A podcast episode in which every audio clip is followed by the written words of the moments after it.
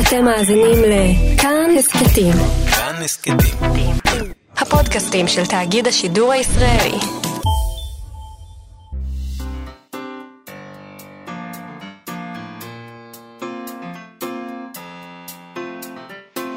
מה שכרוך. עם יובל אביבי ומה יעשה לה. שלום, צהריים טובים, אה, אנחנו מה שכרוך, מגזין הספרות היומי שלכם בכאן תרבות, ב-104.9 או ב-105.3 FM, ואפשר גם באתר או באפליקציה, ואנחנו שמחים מאוד שהצטרפתם אלינו. שלום, יובל אביבי. שלום, יעשה לה? אה, ושלום גם לגיא פלוויאן ועומר מנחם שליט שעושים איתנו את התוכנית. אה, תודה רבה לכם על כך. אה, אנחנו נדבר היום על ספר חדש של נועם זיו, דרך צלחה נוח. אה, הספר יום הולדת שמח נוח, הספר הראשון שלו, היה ספר מאוד מאוד מצחיק על איזה בטלן פילוסוף כזה, שקוראים לו נוח. כן. זה אחד כזה שמסתובב בבתי קפה. אה, בעוד שאשתו, לעומתו, היא קרייריסטית, קשוחה ככל שאני זוכרת, שלא רוצה ילדים, יש להם דיון על העניין הזה. הוא רוצה ילדים, היא לא רוצה ילדים. זה הפך לספר קל כשהוא יצא עם אה, מועדון מעריצים כזה, הוא פורסם ב-1992. אני הייתי אז בת 21, לא נעים לומר.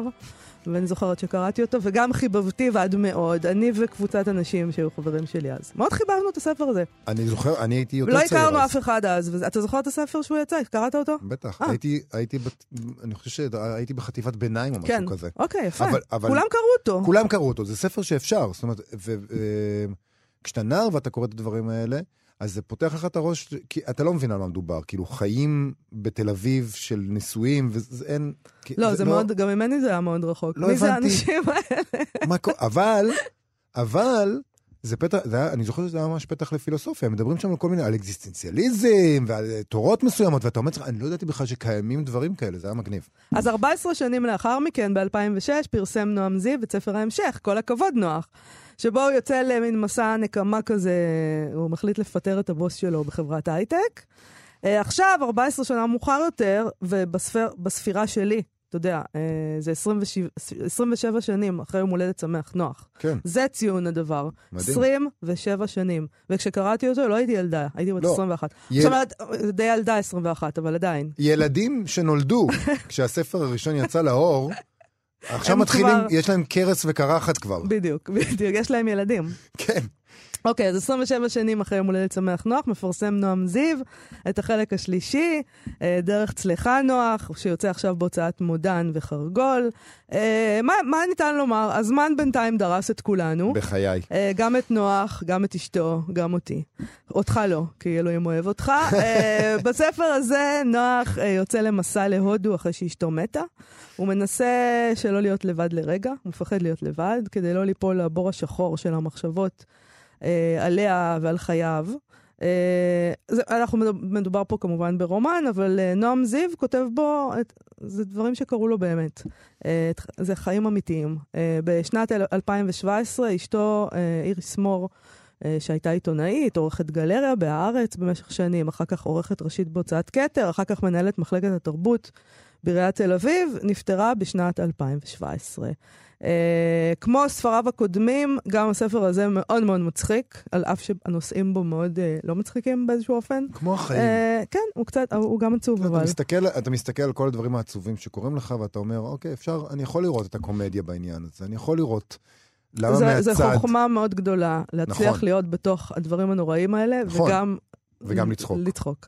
אה, אבל אני תהיתי, כשקראתי את הספר, ואני חושבת שאני ארצה לשאול אותו על זה, אה, האם הומור עוזר או מפריע? כי הרי כל הבעיה של, ה, של נוח בספר, זה שהוא הוא מתקשה להיות באבל, הוא. בורח מהדבר נכון. הזה. והומור זה דרך לברוח נכון, בעצם זה מהדבר מנגנון הזה. הגנה. נכון. אז אנחנו נדבר על הדבר אבל הזה. הוא לא מצליח, כן? הוא מתאר שם בהתחלה של הספר איך הוא בנה לעצמו לוז כזה, כן? שלוש שעות יוגה, שלוש שעות מדיטציה, נכון. שלוש שעות ללמד אנגלית, שלוש שעות מטבח הודי. וזה לא עובד לו, הוא לא מצליח. בסופו של דבר הוא לבד, הוא די, די כאילו, בסוף מוצא זה את עצמו. תופס אותך.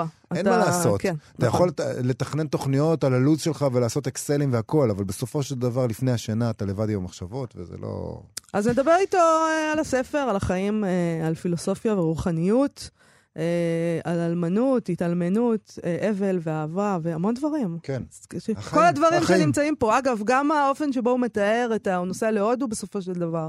מתאר את העולם הזה של הרוחניות, הדלאי למה, כל המדיטציות. מצחיק. מצחיק. מצחיק. כן. ומאוד קולע לתחושות האישיות שלי, הבלבדיות. אני לא הייתי בהודו, אתה היית? לא, לא, לא אוקיי, צריך, אני אוקיי. לא צריך חוויות אמיתיות בשביל לחרוץ לא, אבל, דעה. אבל זהו, כן. בבקשה. אז הנה, אז לי אין, אני לא כזאת נחרצת, כי אני לא חכמה כמוך, אני כן צריכה חוויות אמיתיות. אה, אדם קטן בסופו של דבר. סעי להודו. לא. תפור עלייך. לא. נדבר גם עם גיל ססובר שלנו, אה, איש הים והספר, על עוד ספר שראוי להיזכר בו אה, בפינתו הקבועה בנושא הזה. היום הוא ידבר על ספר שנקרא נשמתו של אינדיאני, של צ'ארלס איסטמן, שיצא בהוצאת נהר, על תרבות שהוכחדה. כן, אה, לחלוטין, אנחנו נדבר. שווה- ספר, שווה ספר, להיזכר. ספר די אה, מדהים, אני חייבת לומר, אני לא קראתי אותו, אה, עבר, הסתכלתי עליו בעקבות הפינה הזאת, כן. ווואו, כן? נקרא כמה קטעים מאוד מעניינים מתוכו. אוקיי, בסדר. לפני שאנחנו עושים את כל הדברים האלה, נתחיל עם חוב. סיפור קצת משונה האמת, העניין הזה. לא לגמרי ירדתי לסוף העניין הזה. חוב משנה שעברה. אבל לא חוב שלנו, חוב של משרד התרבות, שבשעה טובה סוף סוף הכריז על זוכרי פרס שרת התרבות והספורט בתחום היצירה הספרותית העברית לספרי ביקורים לשנת תשע"ח. זה פרסים שחולקו בערך, ב- כעת הזאת חיה בשנה שעברה. נכון. אה, מחלקים את זה, שוב מכריזים על זה זמן. יש כמה קטגוריות, הפרסים חולקו בכל הקטגוריות, חוץ מבקטגוריה הזאת, נכון. בשנה שעברה. נכון, וזה, הם מכריזים על זה בערך זמן קצר מאוד לפני שמכריזים על, אה, על כל הזוכים בקטגוריות האלה לתשע"ט. נכון. לפי מה שהבנתי, בדרך כלל כאילו מכריזים בנובמבר, אוקטובר, נובמבר, דצמבר, מכריזים על השנה האחרונה, אז עכשיו מכריזים על מה שהיה לפני שנה. אז בואו נזכיר את כל כן. הדבר הזה. הפרס הזה מוענק בשבע קטגוריות בתחומי היצירה הספרותית, אה, בין השאר פרס הסופרים בראשית דרכם, פרס למשוררים בראשית דרכם, פרס ביקורים להוצאות לאור, על הוצאות אה, ספרי ביקורים. והלאה, אוקיי? כן, אה, ש- כן. ועוד פעם, אה, הכריזו על כל הדבר הזה, היו פה כל מיני עניינים בירוקרטיים, אה, שבגללם אה, היה- היה, זה התעכב, אני לא יודעת. כן. אה, וזה נפתר, זה משמח שזה נפתר, אפשר לתקן את העוול.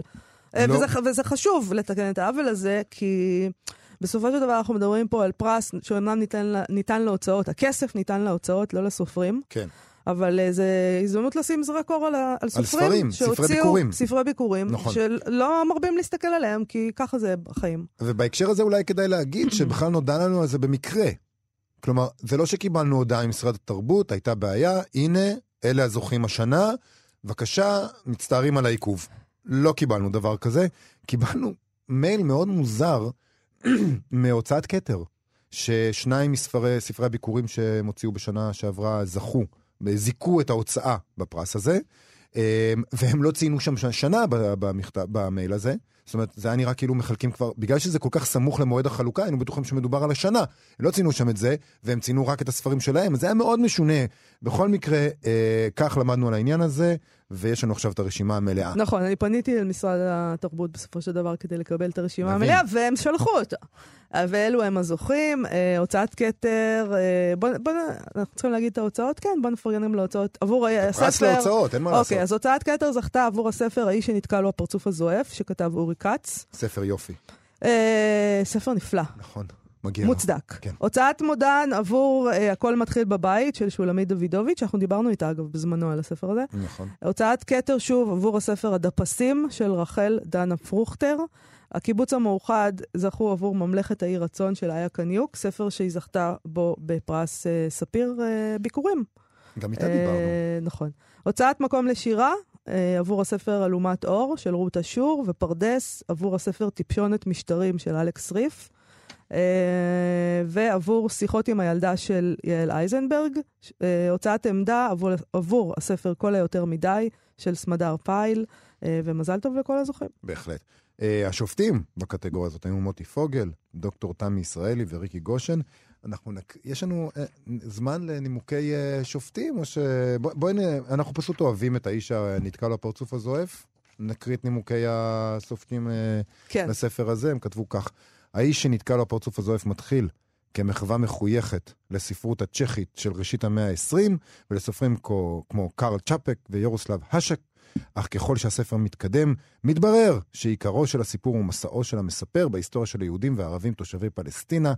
מבעד להומור ולברק הספרותי מבקיעה סימטריה של צרים ונצורים, המחליפים ביניהם תפקידים וזהויות. אה, זה נכון, וגם צריך להגיד, שליטה במגוון רב של סגנונות. אה, כל מיני, יש שם בדי, אה, ב- ב- מדע אבל זה בדיוני. מאוד מאוד ו- יפה, הטקסט הזה, שבו נכתב הסימטריה של צרים ונצורים. נכון. זה מאוד מוצא חן בעיניי. זה נכון. יפה. אה, בסדר. גם, גם שאר הספרים, מן הסתם, יש להם נימוקים מצוינים. אבל לא קיבלנו לא, אותם. לא קיבלנו אותם, לא נכון. נקריא אותם מסיבה פרוזאית זו, מהמם. שלא קיבלנו.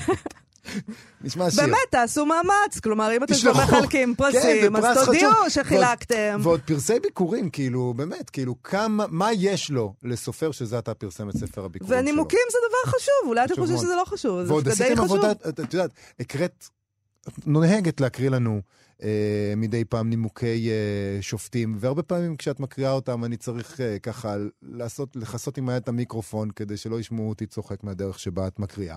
עד שיש נימוקים כאלה שבא לך להקריא, נכון, שהם יפים. שלחו לנו. טוב, נראה מה יקרה בנובמבר כשיכריזו על תשע"ט. האם הם ישלחו לנו את זה, או שגם כן נלמד על זה באיזושהי דרך אה, סיבובית כזאת. פיונה אפל.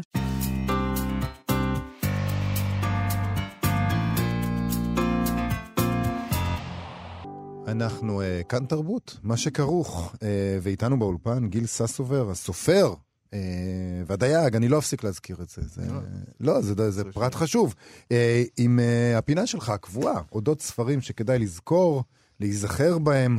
שלום גיל, וברכה. על מה אנחנו מדברים היום? ספר שהוא פנינה שנקרא נשמתו של אינדיאני, שכתב צ'ארלס איסטמן.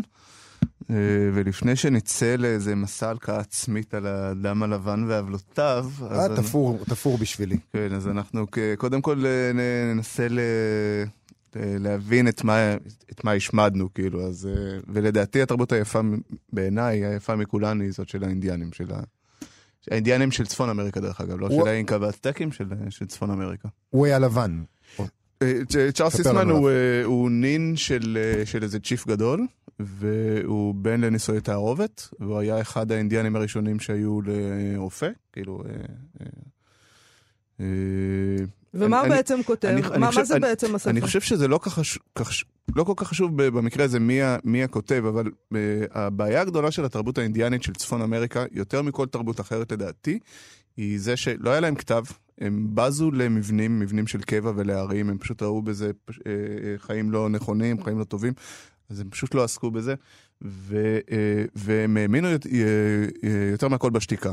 אז, אז, נוצ, אז נוצרה זה בעיה בארכיון. אז נוצרה לך תרבות שכאילו האדם הלבן אין לו שום דרך להתייחס אליה, וגם לא כל כך לאינדיאנים בעצמו כאילו להבין, כי גם הם לא כל כך העבירו סיפורים, הם לא... הם, אה, הם יותר מכל פשוט האמינו בהתבודדות ובשתיקה. כל הטקסים שלהם, הטקסים של...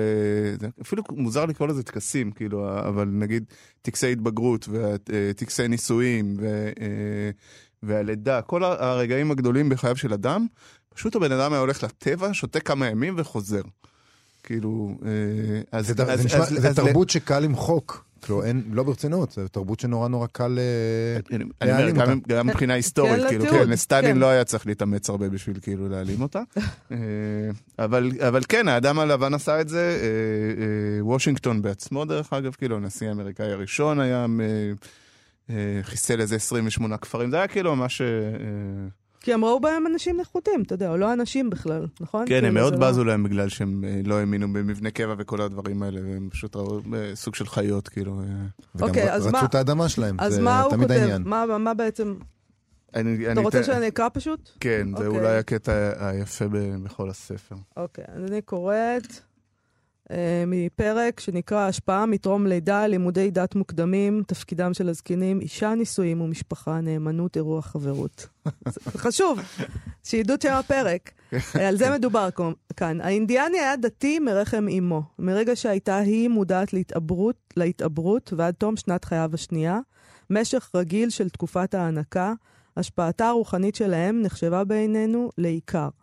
גישתה והגותה הסודית נועדו בהכרח להחדיר לנשמתו המפנימה של הילד שטרם נולד את אהבת הנסתר הגדול ותחושת האחווה עם כל הבריאה. שתיקה והתבודדות הן חוק חיים עבור האישה ההרה.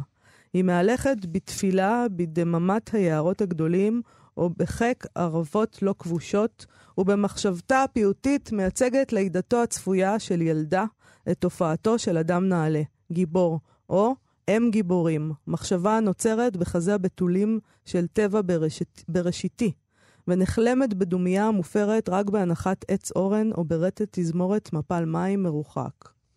וכשעולה השחר, על יום הימים של חייה, היום בו ייחונו חיים חדשים והתחולל נס היווצרותו של זה אשר חייו הופקדו בידיה, אין היא מחפשת כלל עזרת אדם. מיום שהיא זוכרת את עצמה, כבר תורגלה והוכנה בגוף ובנפש לקראת חובתה זו הקדושה ביותר. מוטב לה להתמודד לבדה עם ההתנסות הקשה, בלא עיניים סקרניות או דאוגות שיביכו אותה. במקום בו רק הטבע דובר אל רוחה. זו אהבה, זו אהבה, התגשמות החיים. וכשכל מקודש בוקע אליה מן הדממה, וזוג עיניים נפקחות אליה מחיק הטבע, היא יודעת בחדווה כי מילאה היטב את חלקה בשיר הבריאה הגדול. כעת היא חוזרת אל המחנה, נושאת עימה את הצרור המסתורי, הקדוש, היקר מכל. היא חשה בחומו האהוב ושומעת את נשימתו הרכה. הוא עדיין חלק ממנה, כי שניהם ניזונים דרך אותו פה. ואין בנמצא מבט מאהב מתוק יותר ממבטו שלו, העמוק, העמוק והבוטח. היא ממשיכה בהוראת הרוחניות, תחילה בדממה, רק אצבע מורה שמצביעה על הטבע. אחר, בלחשי שירים בוקר וערב, כמו ציפורים. עבורה ועבור הילד, ציפורים הן אנשים של ממש שחיים קרוב מאוד לנסתר הגדול. העצים המאבשים נושמים את נוכחותו. המים הזורמים מזמרים את שבחו. אני רק חושב כאילו על, אה, על נגיד שאני נולדתי, אני חושב ש... אני מקווה שהפסיקו את זה מאז, אבל שאיך שהילד היה נולד, היו לוקחים אותו ישר מהאימא ועושים לו כל מיני שטויות. ואז שמים אותו באיזה חדר מאחורי נכון. זכוכית, באיזה מינוס שש מעלות, ואומרים לאמא, לא, עכשיו הוא בסדר, כאילו, הכל, הכל טוב, כאילו. שונה ממה שמתואר כאן. כן. אבל אני ישר חושב על מה- מה אם משהו מסתבך, כי לא כל הילדות הם חושבים. לא, אז זהו, אז חשבתי גם על זה שלא עשו סטטיסטיקה, אני מניח, על אה, סיבוכים בלידה לא, וכן אבל הלאה. אנחנו או- מדברים פה על תקופה שגם האדם הלבן לא ילד בבית חולים, אלא בבית. אז זה לא- רציתי לשאול, על איזה תקופה מדובר? כן, מתי נכתב הספר ומה... הספר נכתב אה, לא כך מזמן, אבל האינדיאנים, מאחר ואנחנו לא יודעים עליהם יותר מדי, אנחנו כן יודעים שהמוצאו של האדם האינדיאני הצפון אמריקאי הגיע אה, דרך אה, אה, סיביר וכל מיני כאלה, לצפון אמריקה, לבס- עד לסוף תקופת הקרח האחרונה, שזה לפני שני- ש- אה, 12,000 שנים. אה, ובעצם רק לפני 12,000 שנה, אה, כש- כשנגמרה תקופת הקרח, אז נוצר הים הזה, שהיום מפריד בין קמצ'טקה לבין אה, אלסקה. ואז הת- התפ- התחילה להתפתח תקופ... התרבות האינדיאנית. מבחינתנו, ההתערבות הראשונה של האדם הלבן, זה, אני, אני, אני אגיד שזה בערך היה שיאה מבחינתנו של התרבות הזאת, כי מן הסתם הלכה והתפתחה. אה, אנחנו מדברים על תחילת המאה ה-17. ל-1607 לדעתי זה הפגישה הראשונה של האדם הלבן עם האדם האינדיאני הצפון אמריקאי. האדם הלבן ב-1492, קולומוס וכל הזה, הוא הגיע קודם כל לד- לדרום ומרכז אמריקה, ורק אחרי זה הוא הלך כאילו להיפטר מכל ה... השבטים של הערבות הגדולות. ועד כמה אורח החיים הזה, לפי הספר, ממשיך אחרי המפגש עם האדם הלבן? או הוא ש- לא, האדם הלבן פשוט חיסל אותו, כאילו, אחת הדרכים הכי אה, אה, שרמנטיות של האדם הלבן לחס- לחסל את האדם האדום היה, שרמנטיות. אה, היה לבוא אליו עם אה, שמיכות עם אבעבועות שחורות, אבל, אבל כל דרך של אה, חיסול כפרים, יריות, ה- היריות, כמו, לאדם הלבן במאה ה-20, נראו דבר מאוד ברברי.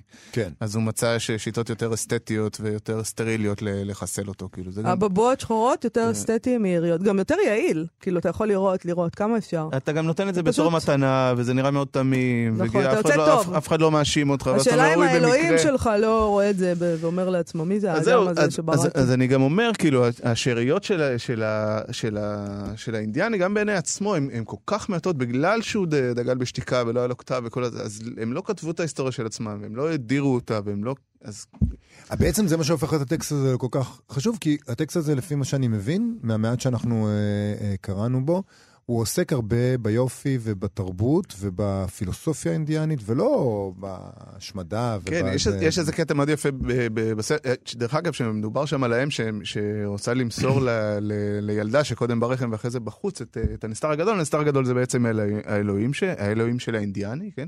שהוא נמצא כמובן בכל, כן? בטבע. באדמה וברוח, וב, והשמש הוא כביכול האב והאדמה היא האם.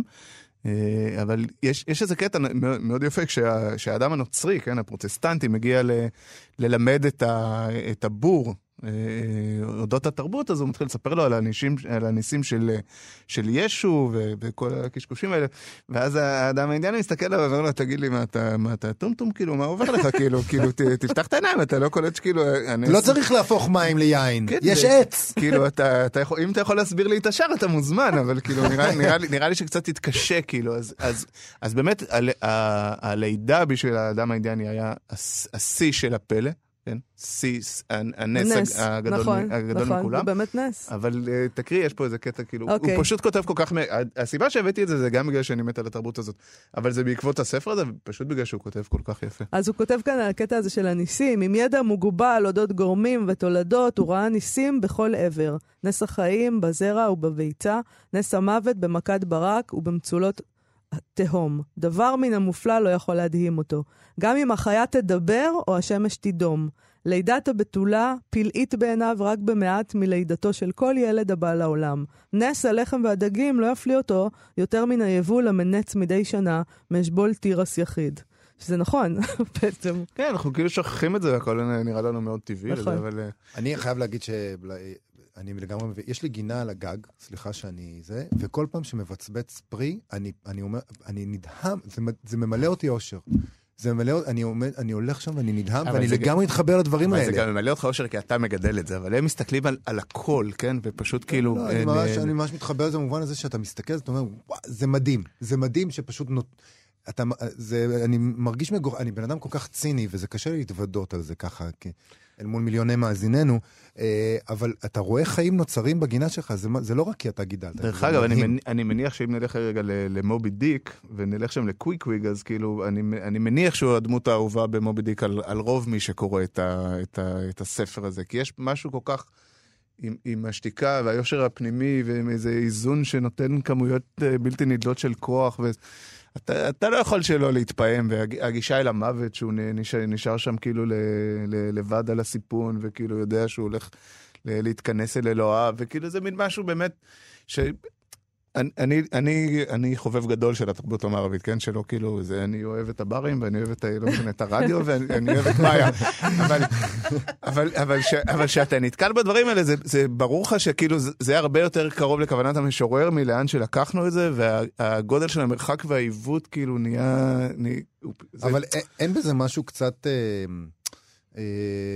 תשמע, קולוניאליסטי בדרך שבה אנחנו מסתכלים על הדברים האלה, אנחנו אומרים, אה, תראו את האינדיאנים, את ה... איזה... אותנטיים. הם, הם ראו את זה נכון, בזמן שאנחנו נוהגים במכונית שלנו. וחיים את החיים לא המאוד חושב מאוד מלאכותיים חושב- אני האלה. חושב שזה משהו מאוד מתסכל, אני לא, אני לא חושב שזה משהו אחר, זה מין צ, צביטה כזאת שהיא אמיתית, שאתה אומר, אני הייתי ממש שמח אם אמא שלי הייתה מתנהגת ככה, כאילו, ואם סבא שלי היה כזה גבר שכאילו רק במבט שלו היה מצליח להעביר לי את, את, את כל הסוד הגדול הזה אבל לא ש- היה ש- לך... של החיים, ולא עברתי אבל את לא זה. היה נטפליקס, לא היה לך נטפליקס אם היה לך את זה. כן, אני לא, לא הוא כזה לא- לא מוטרד בקטע יאללה. של אה, נטפליקס. בסדר, לא היה לא היה הרבה דברים שאנחנו נורא שוב, אני, רגילים אני, אליהם לא, כעולם... אני, אני לא באז, אני, בירה, אני לא מאוד היה אוהב... בירה. למה? בירה דווקא דווקא היה לא להם היה. וויסקי לא היה להם. וויסקי. לא היה להם. אבל אה, הם... אבל אני הם- מדבר על טכנולוגיה מקטרת היה, זה לא, אה, אני לא חושב שיש תרבות שלא אהדה את הסאטלה, זאת אומרת, כאילו, כל אחת מצאה את זה. המ- המקטרת זה בערך הדבר היחידי, אה, חוץ מהשתיקה, ש- שמלווה את כל הטקסים. אבל אני כאילו. חושב שמי ש, שזאת התרבות שלו והטבע הוא הנס שלו, כמובן, כמובן, כמובן, יש לו התנגדות בסיסית לאורח החיים, נגיד, שאנחנו חיים בו, בעיר, נכון. שהכל בטון, נכון. והכל מתועש. נכון. אז, אז את כל הדברים האלה ש, שמייצרים את החיים שלנו כאן, ואנחנו אוהבים אותם, אנחנו אוהבים לחגור בעיר, חלקנו. לא, שוב, אין לי, אין לי דיון, אבל, אבל, אבל זה לא משנה את זה שכאילו התחושה שאתה קורא את זה היא כאילו של החמצה. אז נכון, של החמצה, אבל אני, אני תמיד החמצה. מפחד מהתחושה הזאת של ההחמצה, שיש בה משהו אני, אה, אני, רק, מתנשא. אני רק רוצה להגיד שכאילו אחרי שנגיד דיברנו על כמה יפה הת- התרבות של האינדיאנים וזה, אז אנחנו נצא למסע שכאילו הספר הראשון בו יהיה השמידו את כל העבדים, שזה בעיניי הספר הכי חשוב שנכתב על, אה, אה, על העוולות של האדם הלבן, בעיקר באפריקה, אבל בכלל בסחר ועבדים וכל הזה. ודרך זה נגיע לכל, אה, אה, לזה שהאדם הלבן בעצם התאמן במשך מאות שנים, כאן אנחנו מדברים על מ-1607 עד המאה ה-20, על, אה, על, על חיסול של תרבויות ועל חיסול של עמים ועל חיסול צריך של להתמחות במשהו. ואז, ואז, ואז, רק אחרי שהוא כבר היה מאוד מיומן, ושהוא כבר בעצם הסיר את כל ההתנגדות הפנימית שלו ל, ל, אה, לדרך הזאת, אז הוא הצליח לבוא ולשכלל את זה כאילו עד הסוף. ב- ב- בגולאגים של, של סטלין ובמחנות ההשמדה של, של היטלר ושל הנאצים. ואנחנו אה, נגיע ל- י- לקרב על סטלינגרד, ונגיע ליום בחייו של איוון אה, דניסוביץ', יהיה, יהיה כיף. יהיה יהיה כיף, מלבב. ואני רוצה, ואולי צריך גם להגיד משהו על אה, הוצאת נהר, שבה יצא הספר הזה. קודם כל נגיד שהוא יצא בהוצאת נהר, כן. תרגם? ונגיד שתרגמה אותו מאמריקנית, ניצה פלד. כן, אה, זה, זה מ- מתנה אדירה, אני כאילו אה, לא מכיר את, אה, את ראובן מירן באופן אישי, אבל אני אה, חייב לו אלף תודות על, אה, על פשוט ערימה של ספרים שאם לא, הוא לא היו אה, מתורגמים ויוצאים בעברית. אם זה הזכות- לעצלות שדיברנו של הפארק, ואני נכון למות של מנדלה, ובפרא מתורבת של גוגן, וכאילו, פשוט... כן, יש לו טעם טוב. אני, כן, אני לא מצליח לחשוב על בחירות טובות משלו. אז כאילו, תודה. זה- תודה כן. לראובן אה, כן, מירן להוצאת- ולהוצאת נהר. ותודה- לגיל ספסובר. בשמחה גדולה. נתראה שוב בזוועות הבאות. כן, ב- להתראות. השמידו את כל הפראים, זה פנטסטי. ביי.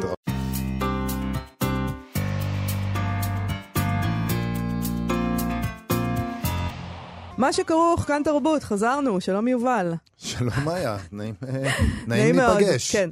אז תקשיב, אה, בטונים אה, עולצים אלה, אה, בוא נדבר על מוות ושיבה. מיד אחרי. השיבה על מות אשתו, שיבה שנמשכה רק ארבעה ימים בגלל שנוח רק חיכה להשתחרר מהצורך להשתתף באבלם העמוק של המנחמים, שזה קורה ממש בהתחלה וכבר הצחיק אותי מאוד. נכון. הוא נוסע נוח למסע אה, להודו. הוא כותב שם, אה, נועם זיו, מה באמת עושה אלמן טרי בבוקר הראשון שלו אחרי השבעה? הולך לעבודה? לא נראה לי. אז מה כן? אה, כל זה ברומן החדש שלו, דרך צלחה, אה, נוח, שיצא עכשיו בהוצאת חרגול מודן, הוא מחליט אה, לברוח. אה, כי זה מה שעושה אלמן טרי. למקום שהכי פחות יזכיר לי את אשתי, הוא כותב. מקום שאין בו שום דבר שאוכל להזכיר לי את החיים שלי עם אשתי. אולי לירח? למאדים? משהו כזה. זה הספר השלישי של נועם זיו, שהוא סופר ופילוסוף תעשייתי. נברר עוד מעט מה, מה- מה זה? מה זה. כן. אה, קדמו לו יום הולדת שמח נוח, וכל הכבוד נוח. אה, ואולי הפתיח הזה נשמע טרגי, אבל הספר הזה הוא גם מאוד מצחיק. אה, לצד זה שהוא מתעסק באהבה ובאובדן. אה, נועם זיו כתב כאן, כמו בשני הספרים הקודמים שלו, נדמה לי על עצמו, על החיים שלו, באיזה אופן. אז אנחנו נגיד גם משהו על החיים האמיתיים. אה, אשתו איריס מור מתה בשנת 2017, אני מזכירה את זה כי הייתה דמות מרכזית בעולם התרבות הישראלי. אה, אמרתי בפתיח, כשאני הייתי בת 21 וקראתי את יום הולדת שמח נוח, זה באמת היה ספר קאלט. אה, והנה הספר הזה, החדש, 27 שנים אחרי, מתאר מה קרה ברבות השנים לזוג ההוא שקראתי עליו אז. אה, ומה שקורה זה, מה שקורה גם לנו, אה, החיים מועכים כל אחד. אה, אז איך קמים מזה? זאת כן. שאלה. אה, אולי צריך פילוסוף תעשייתי בשביל להבין את התשובה לשאלה הזאת. בספר הזה יש הומור, אמרתי, יש בו גם שני מתכונים. זה מאוד חשוב, מאוד שימח אותי, ואני גם מנסה להכין, אני מקווה שהוא לא מסתלבט עלינו שם. אה, חייבת, אבל- את קונג פאו חייבת- ועוף בלימון. את חייבת לעדכן. זאת אני אומרת, את אעדכן. תעשי את זה, ואז נעשה על זה לא, אבל אם אייטם. הוא מסתלבט על הקוראים שלו, אז... אדרבה, אה, אדרבה, אוקיי. יש לנו סקופ, יש לנו חשיפה. סקופ מטורף. חשיפה! שלום לנועם זיו. שלום, שלום לכם. אה, המתכונים, אה, לנסות אותם? כן, כן.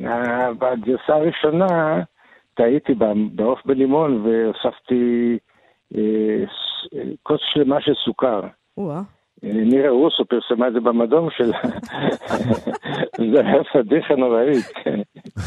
אז חצי כוס, חצי כוס. חצי כן. כוס. זה גם אוקיי. נשמע די הרבה אין סוכר. שום ס- סיכוי שאני הייתי שמה לך כוס סוכר שלמה במ- במשהו. אז היו, היו אנשים שניסו, שנכוו, אבל... אה, אבל אתה אוקיי. צריך לשים ליד זה כוס שלמה של לימון. אה, אה. זה אוקיי. מאזן. אז בואו כן, נ... ואז זה לא מאזן, זה נושך. זה נושך, אוקיי. אז אתה. קרה לך את הדבר הזה שקרה לך בחיים, אתה באמת כן. קמת ונסעת להודו, אמ, כן. מה חיפשת שם? האם את הספר הזה כתבת שם, או כתבת אחרי ש... כשחזרת? אה, אה, כן, זה לא הכל היה מתוכנן, אני נסעתי בשביל אה, להיעלם. מהמם. קצת למצוא את עצמי מחדש, אה, להתארגן, אני תמיד אה, עניין אותי מאוד אה, בודהיזם טיבטי, ובניתי לי שם חיים, אבל אה, התחלתי להשתעמם, אז הייתי כותב בלוג יומי. סודי. ושולח אותו ארצה. שלי, כן. כן. מתאר לי מה, מה קורה לי, מה קורה שם. אוקיי. וכשחזרתי ארצה, לקחתי את הבלוג, חשבתי שזה יהיה מאוד קל להפוך אותו לספר, התברר שזה משהו כמו שנה וחצי עבודה לפחות. כמה זמן היית. בהודו? כמה זמן היית בהודו? בהודו שלושה ארבעה חודשים. אה, זה כבר, זה כן. תקופה. אני תקופה, רוצה לשאול כן. אותך על הומור. אה, הספר הזה הוא כן. מאוד מאוד מצחיק, ובכלל אתה... נראה שאתה אדם מצחיק. אה, כאילו הומור זה חלק מההתמודדות, אבל באיזשהו אופן, כשקראתי את הספר, פתאום הבנתי שהומור הוא גם אה, בעצם אה, מ- מבריח אותנו מההתמודדות, כי אנחנו כן. בעצם במקום להתמודד, אנחנו משתמשים בזה, מתגוננים עם ההומור, ואז לא מסתכלים על הדבר שאנחנו מתקשים להסתכל עליו, שזה הדבר עצמו שקרה לנו. עצמו. כן, אני גם עושה את זה בחיי יום-יום. אני, ברגע שדברים מתחילים להיות אה, רגשיים אה, יותר מדי, אז אני חותך ל... ומתלוצץ. אז נגיד את הילדים שלי זה מעצבן מאוד. כן. עד שיום אחד הם התארגנו וביקשו ממני להפסיק.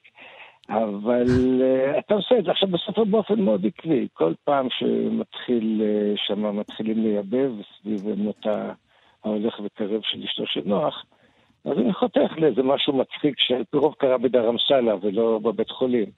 בבית כן. חולים היה קצת יותר קשה. אז אבל- כל הזמן נכנסים ויוצאים. אבל הס- הספר הזה הוא גם במידה מסוימת, לפחות בחלקו, הוא סיפור על הכישלון של התהליך הזה, אה, כישלון של מנגנוני ההגנה. הספר נפתח בזה שנוח אה, מארגן לעצמו לו"ז בלתי אפשרי של אה, מעבר מסדנת פילוסופיה טיבטית ליוגה, לקולינריה, ללימוד אנגלית, לנזירים. הוא אמור- כדי לא להיות לבד. לכתיבת הבלוג הסודי, זאת אומרת, הוא מארגן לעצמו איזה שמונה- 18 שעות של אה, עשייה ביום.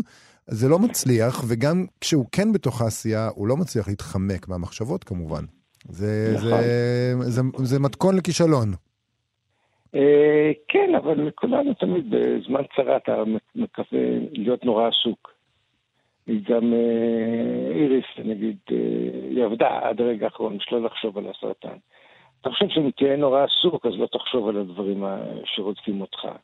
אבל האשליה הזאת מתפוצצת מהר מאוד.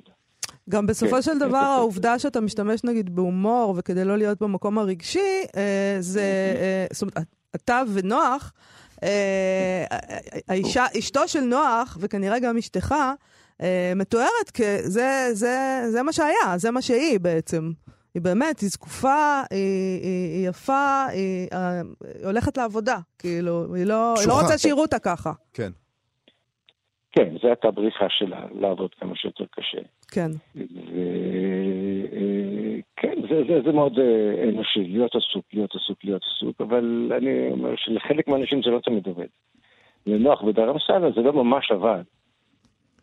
זה גם, זה גם תיאור מאוד קריקטורי של, אה, של אה, אה, האמצעים. זאת אומרת, התשוקה הזאת ל, ל, ליוגה, זה ממש בהתחלה מתנגשת עם, עם כל מיני אי אפשרות הגוף לעמוד בדברים האלה, הפילוסופיה הטיבטית, היחס של ההודים עצמם, כן, קורס, נמצא איזה הודי שיעשה לך קורס בפילוסופיה טיבטית, ו, ו, והכל, כלומר, זה, זה איזשהו כן. תיאור אה, מגחיך קצת של הרוחניות המזרחית.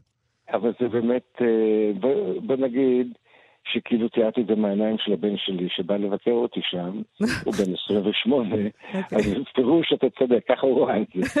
אבל שטויות, אני אמרתי, באתי, אמרתי לו, בוא תראה איך אני עכשיו עושה סדנה, לומד לבשל. הוא לא הסכים להיכנס למטבח.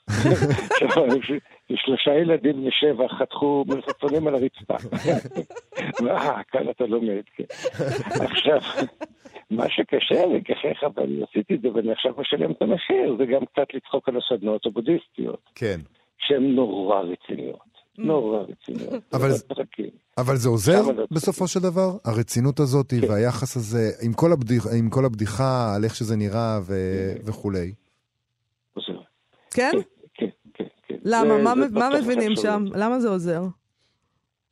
אה, מבינים להתייחס לסבל שלך קצת יותר בקלות, להתייחס למה שעובר עליך קצת יותר בקלות. הרי מה קרה לו? מה קרה לנוח? אשתו בת 65.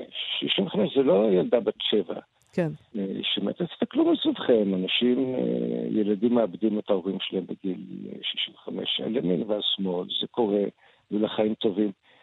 אה, לנוח יהיו חיים טובים אחר כך, הוא יתאושש. אתה קצת מסתס, תתרחק מעצמך ו- ותסתכל ותראה שהסבל שלך הוא לא מוצדק, הוא בייחוד, אה, איך שאומרים באנגלית, לא הצלחתי למצוא לזה תרגום, אולי תמצוא self-inflicted suffering. זה משפט, אה, phrase אה, מאוד בסיסי בבודהיזם. כן. רוב הסבל שלנו, אנחנו מכירים אותו עבורנו. נכון שיש מאחוריו גרעין, אבל אנחנו מכבידים עליו, מגדילים אותו ומגדילים אותו. אז זה מאוד עוזרים לך בהרבה דרכים, גם ביוגה, מדיטציה ושיעורים. אה, קצת לראות מה אתה עושה לעצמך ולהתרחק מזה. ברגע שאתה מתרחק מזה, זה, זה פחות קשה. אז אה, אה, היו שם, למדתי דברים שהוסיפו לי בחיים. זה דברים שידעתי, אבל צריך לתרגל אותם ולעבוד עליהם ולבחון אותם בימים קשים. אז לפעמים הטכניקות הבודהיסטיות עזרו. לפעמים הייתי מצלצל לחברה הפסיכולוגית שלי בתל אביב, ומנסה לקבל תגבור מהמערב. גם הכדורים שלא עבדו, רבנים אה, מוגבלים. עם כל הכבוד לפילוסופיה הטיבטית, תנו לנו קצת כדורים. מערביים. כן, וכשאם הם לא יעבדו, אז נתקשר ללילה למה. בדיוק, כל פעם, כל פעם עם, אה, כל מה רגע, שאפשר, מה כל רגע. עם התרופה שלו, זה הכל בסדר. אה, אה, אפשר, את רוצה, רצית לשאול אני משהו? רציתי לדבר על, ה, על, ה, על הדבר הזה שנוח בעצם מחפש שם, שזה להיעלם לכמה חודשים ל, למקום שיטפלו בו בחשאי בעצם. אה. כלומר, אנשים שיכול לסמוך עליהם, אבל שאף אחד לא ידע. כלומר, שחלק גדול מהדבר הזה, זה ה... שלא יראו, שלא יראו אותך. שלא ידעו. למה? כן. למה שלא ידעו? אדם יכול להיות באבל ולהיראות באבל, ושכולם ידעו, למה לא? אה, כי... אה, אתה בעצם היה שם. שגבר לא... כן, לא מתמוטט. לא מתמוטט ולא מבקש אה, מתמוטט. עזרה בכיוונים גם. ובטח לא רוצה שהילדים שלו יטפלו בו כן. ויעזרו לו, אז אם חס וחלילה יקרה שהוא לא יוצא מהמיטה בבוקר, שאף אחד לא ידע שזה יהיה באיזה מנזר בטיבט בכלל, לא בהודו. ו... אז זה הכל פנטזיות של איזה גיבור, זה לא אני... כן. והוא נסחב עם הפנטזיות האלה, שיום אחד הוא לא מהמיטה בבוקר ובונה אה, מערך שלם להתמודד מול זה, אבל שלא ידעו, שלא ידעו. זה מאוד ישראלי גם. לא, זה לא רק ישראלי, זה, זה גברי, כן. זה גברי, נכון, כן, נכון. כן. מה, אני מתמוטט כי אשתי מתה, למה מה קרה? נכון. עכשיו אתה יכול להיות גם אלמן עליז, כאילו... לא, צריך לקחת... להציג על אלמן עליז. בשתיקה ללכת אל האופק ככה, נכון. עם התרמיל על השכם, והמדבר ככה. בהימאליה- לא, הימאליה יותר. הימאליה. הימאליה. כל אחד עם הזה של, שלו. אה, אני רוצה אבל לשאול על סדרת הספרים. בעצם כבר יש לך סדרת ספרים, טרילוגיה. אה, בניגוד לאחרים שהם אה, מזדרזים לפרסם המשך אחר המשך, לקח לך כמעט 30 שנה לפרסם שלושה ספרים. אה, אנחנו צריכים לצפות אה, לספר הרביעי, אה, מה? 2033 פלוס מינוס? נכון? אה, החשבון שלי נכון? אם- אני אחיה עד אז. תהיה כל כך אופטימי. כן. לא, כן, אבל- אה, אבל זה בעצם סדרת ספרים. נכון, נכון, אבל זה, והפרק זמן בין ספר לספר, ושם קרו הדברים שנכתב עליהם בספר הבא. כן. אה, לא על הכל, אתה יכול לכתוב, אה, זה, זה נורא קשה לכתוב על החיים הפרטיים של בני משפחה שלך. וזה קשה, למשל, הקרובים. לפרסם את הספר הזה יותר קשה מלפרסם את השניים הקודמים במובן הזה? כן, כן, כי כאן... אה, בראשון לא, לא שאלתי את החברים, כי זה חברים, אבל את הבנים, את בני המשפחה, זה הרבה יותר רגיש. כן. יש כאן גם שאלות אה, אתיות, אה, אתה יודע, של הימים האחרונים. כן, כן, זה קשה מאוד. הם אישרו לך? הם קראו קודם, הבנים למשל? כן. יודע. אני חייב לשאול, אה, היו דברים שהם חתכו החוצה? הם לא, הם לא רוצים שנדבר עליהם. בסדר גמור. אז אני רוצה לשאול אותך לסיום משהו אחר לגמרי, מאזור אחר לגמרי, ברשותך. מה זה פילוסוף אה, תעשייתי? כן, נכון. אה, זה, ה- היום זה כבר, יש אלפי אנשים שזה הג'וב שלהם בהייטק. אוקיי. אני לא קוראים לזה ככה. אני הצטרפתי להייטק בתור פילוסוף, לוגיקן, לחברה שמפתחת מערכות מומחה. הרעיון של מערכות מומחה זה תקחי תכנת ותקחי רופא מומחה אה, ותסגרי אותם בחדר לשנה, לא תצא לך מערכת לדיאגנוסטיקה אוטומטית של מחלות בכלי דם. הם, לא מדברים אותה שפה, ואתה צריך אה, פילוסוף בשביל שיתרגם את המחשבות ואת האינטואיציה של הרופא בצורה כזאת שתכנת יכול לתכנת את זה. היום באינטרנט מתעסקים המון המון המון בידע. בידע, לא בנתונים, בידע. ואז יש המון אנשים, התפקיד נקרא, רשמית הוא נקרא knowledge engineer, מהנדס ידע. כן. היום כבר לומדים את זה, וזה התחיל ממידנים וכדומה, ויש דאטה אנליסט. חבר'ה שהם לא תכנתים והם מאבדים ידע. מזינים, מזינים מערכות אה, לומדות. זה נשמע הרבה הרבה הרבה יותר רציני ומבוסס מאשר. הטייטל, אה, הטייטל הזה, כפי שהוא... כן, כפי שזה גם מנוסח כזה. הרי, הרי מה כל המהות של נוח? זה מין בטלנות כזאת, שיש לו מקצוע מומצא לחלוטין. מומצא. אבל לא, זה. נשמע כאילו הולכים בשמונה בבוקר וחוזרים ממש מאוחר בלילה ובאמצע עובדים. הייתי צריך אה, להביא פרנסה, אבל זה הסטארט-אפ הראשון. לא הייתה ברירה. לא אתה... הם דרשו אוכל, אני לא ידעתי מה לעשות. משהו. לא סתם אבל אוכל, ה- אוכל טעים. המשקיע שלנו הוא זיה גליל, אתם צעירים, אני לא יודע אם אתם זוכרים, הוא אבי תעשיית ההייטק הישראלית, הוא השקיע בסטארט-אפ הראשון. והוא היה נורא גאה לספר שבמיזם הראשון שלו יש פילוסוף תעשייתי. בצדק. בצדק. כן, כן. אדרבה, כן ירבו תעשיינים שמתגאים להעסיק פילוסופים. בדיוק. לא, היום זה די באופנה, די באופנה להסיק טוב, מדעי אנחנו הרוח. מחכים שירצו להעסיק אה, מבקרי ספרות, אה, כן. ממש מעוניינים. תעשייתיים. תעשייתיים. טוב, אה, יש, יש, האמת שיש כמה מבקרי ספרות תעשייתיים, אבל אה, לא נלך לשם. אה, דרך, סליחה, נוח, הספר השלישי בסדרה הבא ב-2033 כאמור, נועם זיו, יצא בהוצאת חרגול ומודן, אמרנו את זה? נכון. תודה רבה לך. נועם זיו. דרך לכם. לך.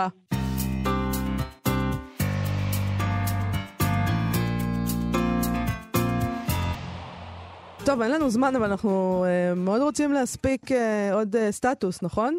פינת בטח. הסטטוס היומי שלנו, יש לנו סטטוס של יהושבע סאמט שיינברג, מבקרת וחוקרת ספרות, שמביאה משהו משעשע למדי מהארכיון. אה, וכך היא כותבת, אף פעם לא צריך סיבה כדי להרבות פה אהבה ושלום אה, מתוך גנזי הארכיון, וכידוע, ובידוע שאנשי ספרות מרבים שלום בעולם, סמיילי. אז תראו איזה מכתב מרושע. המכתב המדובר הוא מכתב שמישהו אלמוני שאנחנו לא מכירים, אה, כותב לדוב סדן, נגיד שדוב סדן היה פרופסור, אה, חוקר ספרות, אה, מתרגם, אה, גם חתן פרס ישראל לחוכמת ישראל. אה, היא כותבת ככה, מחשבה פשוטה על איך שלפעמים גם מכתב קטן ואנונימי ומלכותי בעד שמו של הכותב שלא טרח אפילו לחתום, יכול להדגים בכמה מילים ספורות מושגים גדולים כמו חילופי משמרות. Uh, תקרא את זה, אנחנו מדבר, הוא מדבר פה על... Uh, אוקיי, תקרא. אני אקרא את זה, אבל תצטרכי לעזור לי, יש פה משהו באנגלית וביידיש, ואני, אה, האנגלית והאנגלית שלי קצת חלודות. תעזרי לי שמה? כן. בסדר. היידיש, דווקא ביידיש אתה רוצה שאני אעזור לך? מי? בתור uh, יידישיסטית רצינית, קדימה. בואי נראה, אחד מאיתנו אוקיי. יצליח. את יודעת, שלא- שחס וחלילה לא נגיד איזה מילה לא נכון. קדימה. אה, מר דוב סדן היקר, כך נפתח המכתב, תמהני כי טעמך מעודן לשירה טובה לא עמד לך הפעם, והיית בין מעניקי פרס שלונסקי למשורר עמיחי. נגיד שעמיחי זכה בפרס שלונסקי ב-1957 על ספרו הראשון. עכשיו הוא בימים האחרים. נכון. כן. אה, קראתי את ספר השירים, כותב אותו אלמוני, ולפי דעתי הענייה לא רק שספר זה אינו ראוי לפרס כלשהו, אלא רובם של השירים אינו בשל אפילו לדפוס. קש וגבבה, ידידי דוב סדן, ולא יותר. התפלספות של ילד בגיל בר מצווה. אופקים צרים, תחומים מוגבלים. אנהנט אוננפיס? אני, אני לא יודע, זה יידיש. אה, שירה אשר אינה מדברת לא ללב ולא למוח, מוגבלת תכלית ההגבלה בנושאיה, ביטויה, ביטויה ילדותי, לא תמים חלילה. מה גוואלד הניע אותך לתת ידך ושמך לקובץ עלוב זה? נדמה לי כי יש כאן פגיעה במשוררנו שלונסקי ובבית אשר קרא את הפרס על שמו. זה המכתב הזה ממשיך, בשולי כל הטוב הזה, רק הערה קטנה והכרחית שיש בכוחה לאזן את רוח הדברים של העצבן האנונימי.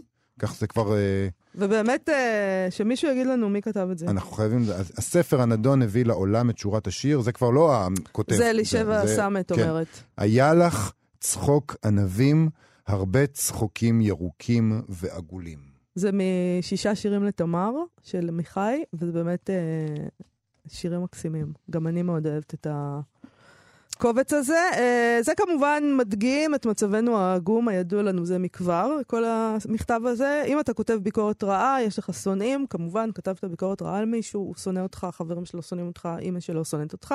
אם כתבת ביקורת טובה, גם אתה מסתבר שיש לך שונאים וכועסים שאומרים לך למה כתבת ביקורת טובה על הכלומניק הזה, אה, וזה אותו דבר עם פרסים כמובן, אה, כועסים אה, שנתת פרס לו ולא למישהו אחר, אבל, ככה זה, אין מה אבל לעשות. זה דבר טוב בעצם, זה דבר טוב, זה אומר שאתה צריך להגיד את האמת, את מה שאתה באמת מאמין בו, כי בכל מקרה ישנאו אותך. אז פשוט, אז עדיף להיות ישר. אה, כן, אמת, אתה יודע, להגיד, את האמת, זה... אני הולך עם האמת אה, אתה שלי. הולך עם האמת שלך, אז אולי. באמת תיכנס לבית האח הגדול, ונראה מה קורה עם זה. תשמעי, לא טרחו להזמין אותי אף פעם. מעליב. יכול להיות ש... האמת שאתה יכול להיות כוכב את חושבת? בבית האח הגדול, קריקטורה כזאת לא נראתה מאז שתחילת התוכנית. ילעסו אותי שם באמת, ממש. וירקו אותי. אח- אבל אד- אנשים ימותו על זה, אף אחד לא לא ירצה להיפטר ממך, כי זה יהיה המופע הכי טוב בעיר. יצביעו לי בסמסים בגלל זה יהיה ה- קצת בעיה, רק בשביל להשאיר את להשאיר את הקריקטורה. הקורבן הזה, את, ה, את, ה, את, ה, את הרכיכה הזאת שמייבבת בפינה. איזה מין אח, איזה מין בית אח זה בלי הרכיכה ששוכבת שם בפינה ומייללת. למה? תזמינו בבקשה את יובל לבית אה, הגדול. מאיה, תעצרי את הדבר הזה, זה זמננו אז זה לסיים. זמננו לסיים, תודה רבה אה, לגיא פלוויאן ועומר מנחם שליט שעשו איתנו את התוכנית.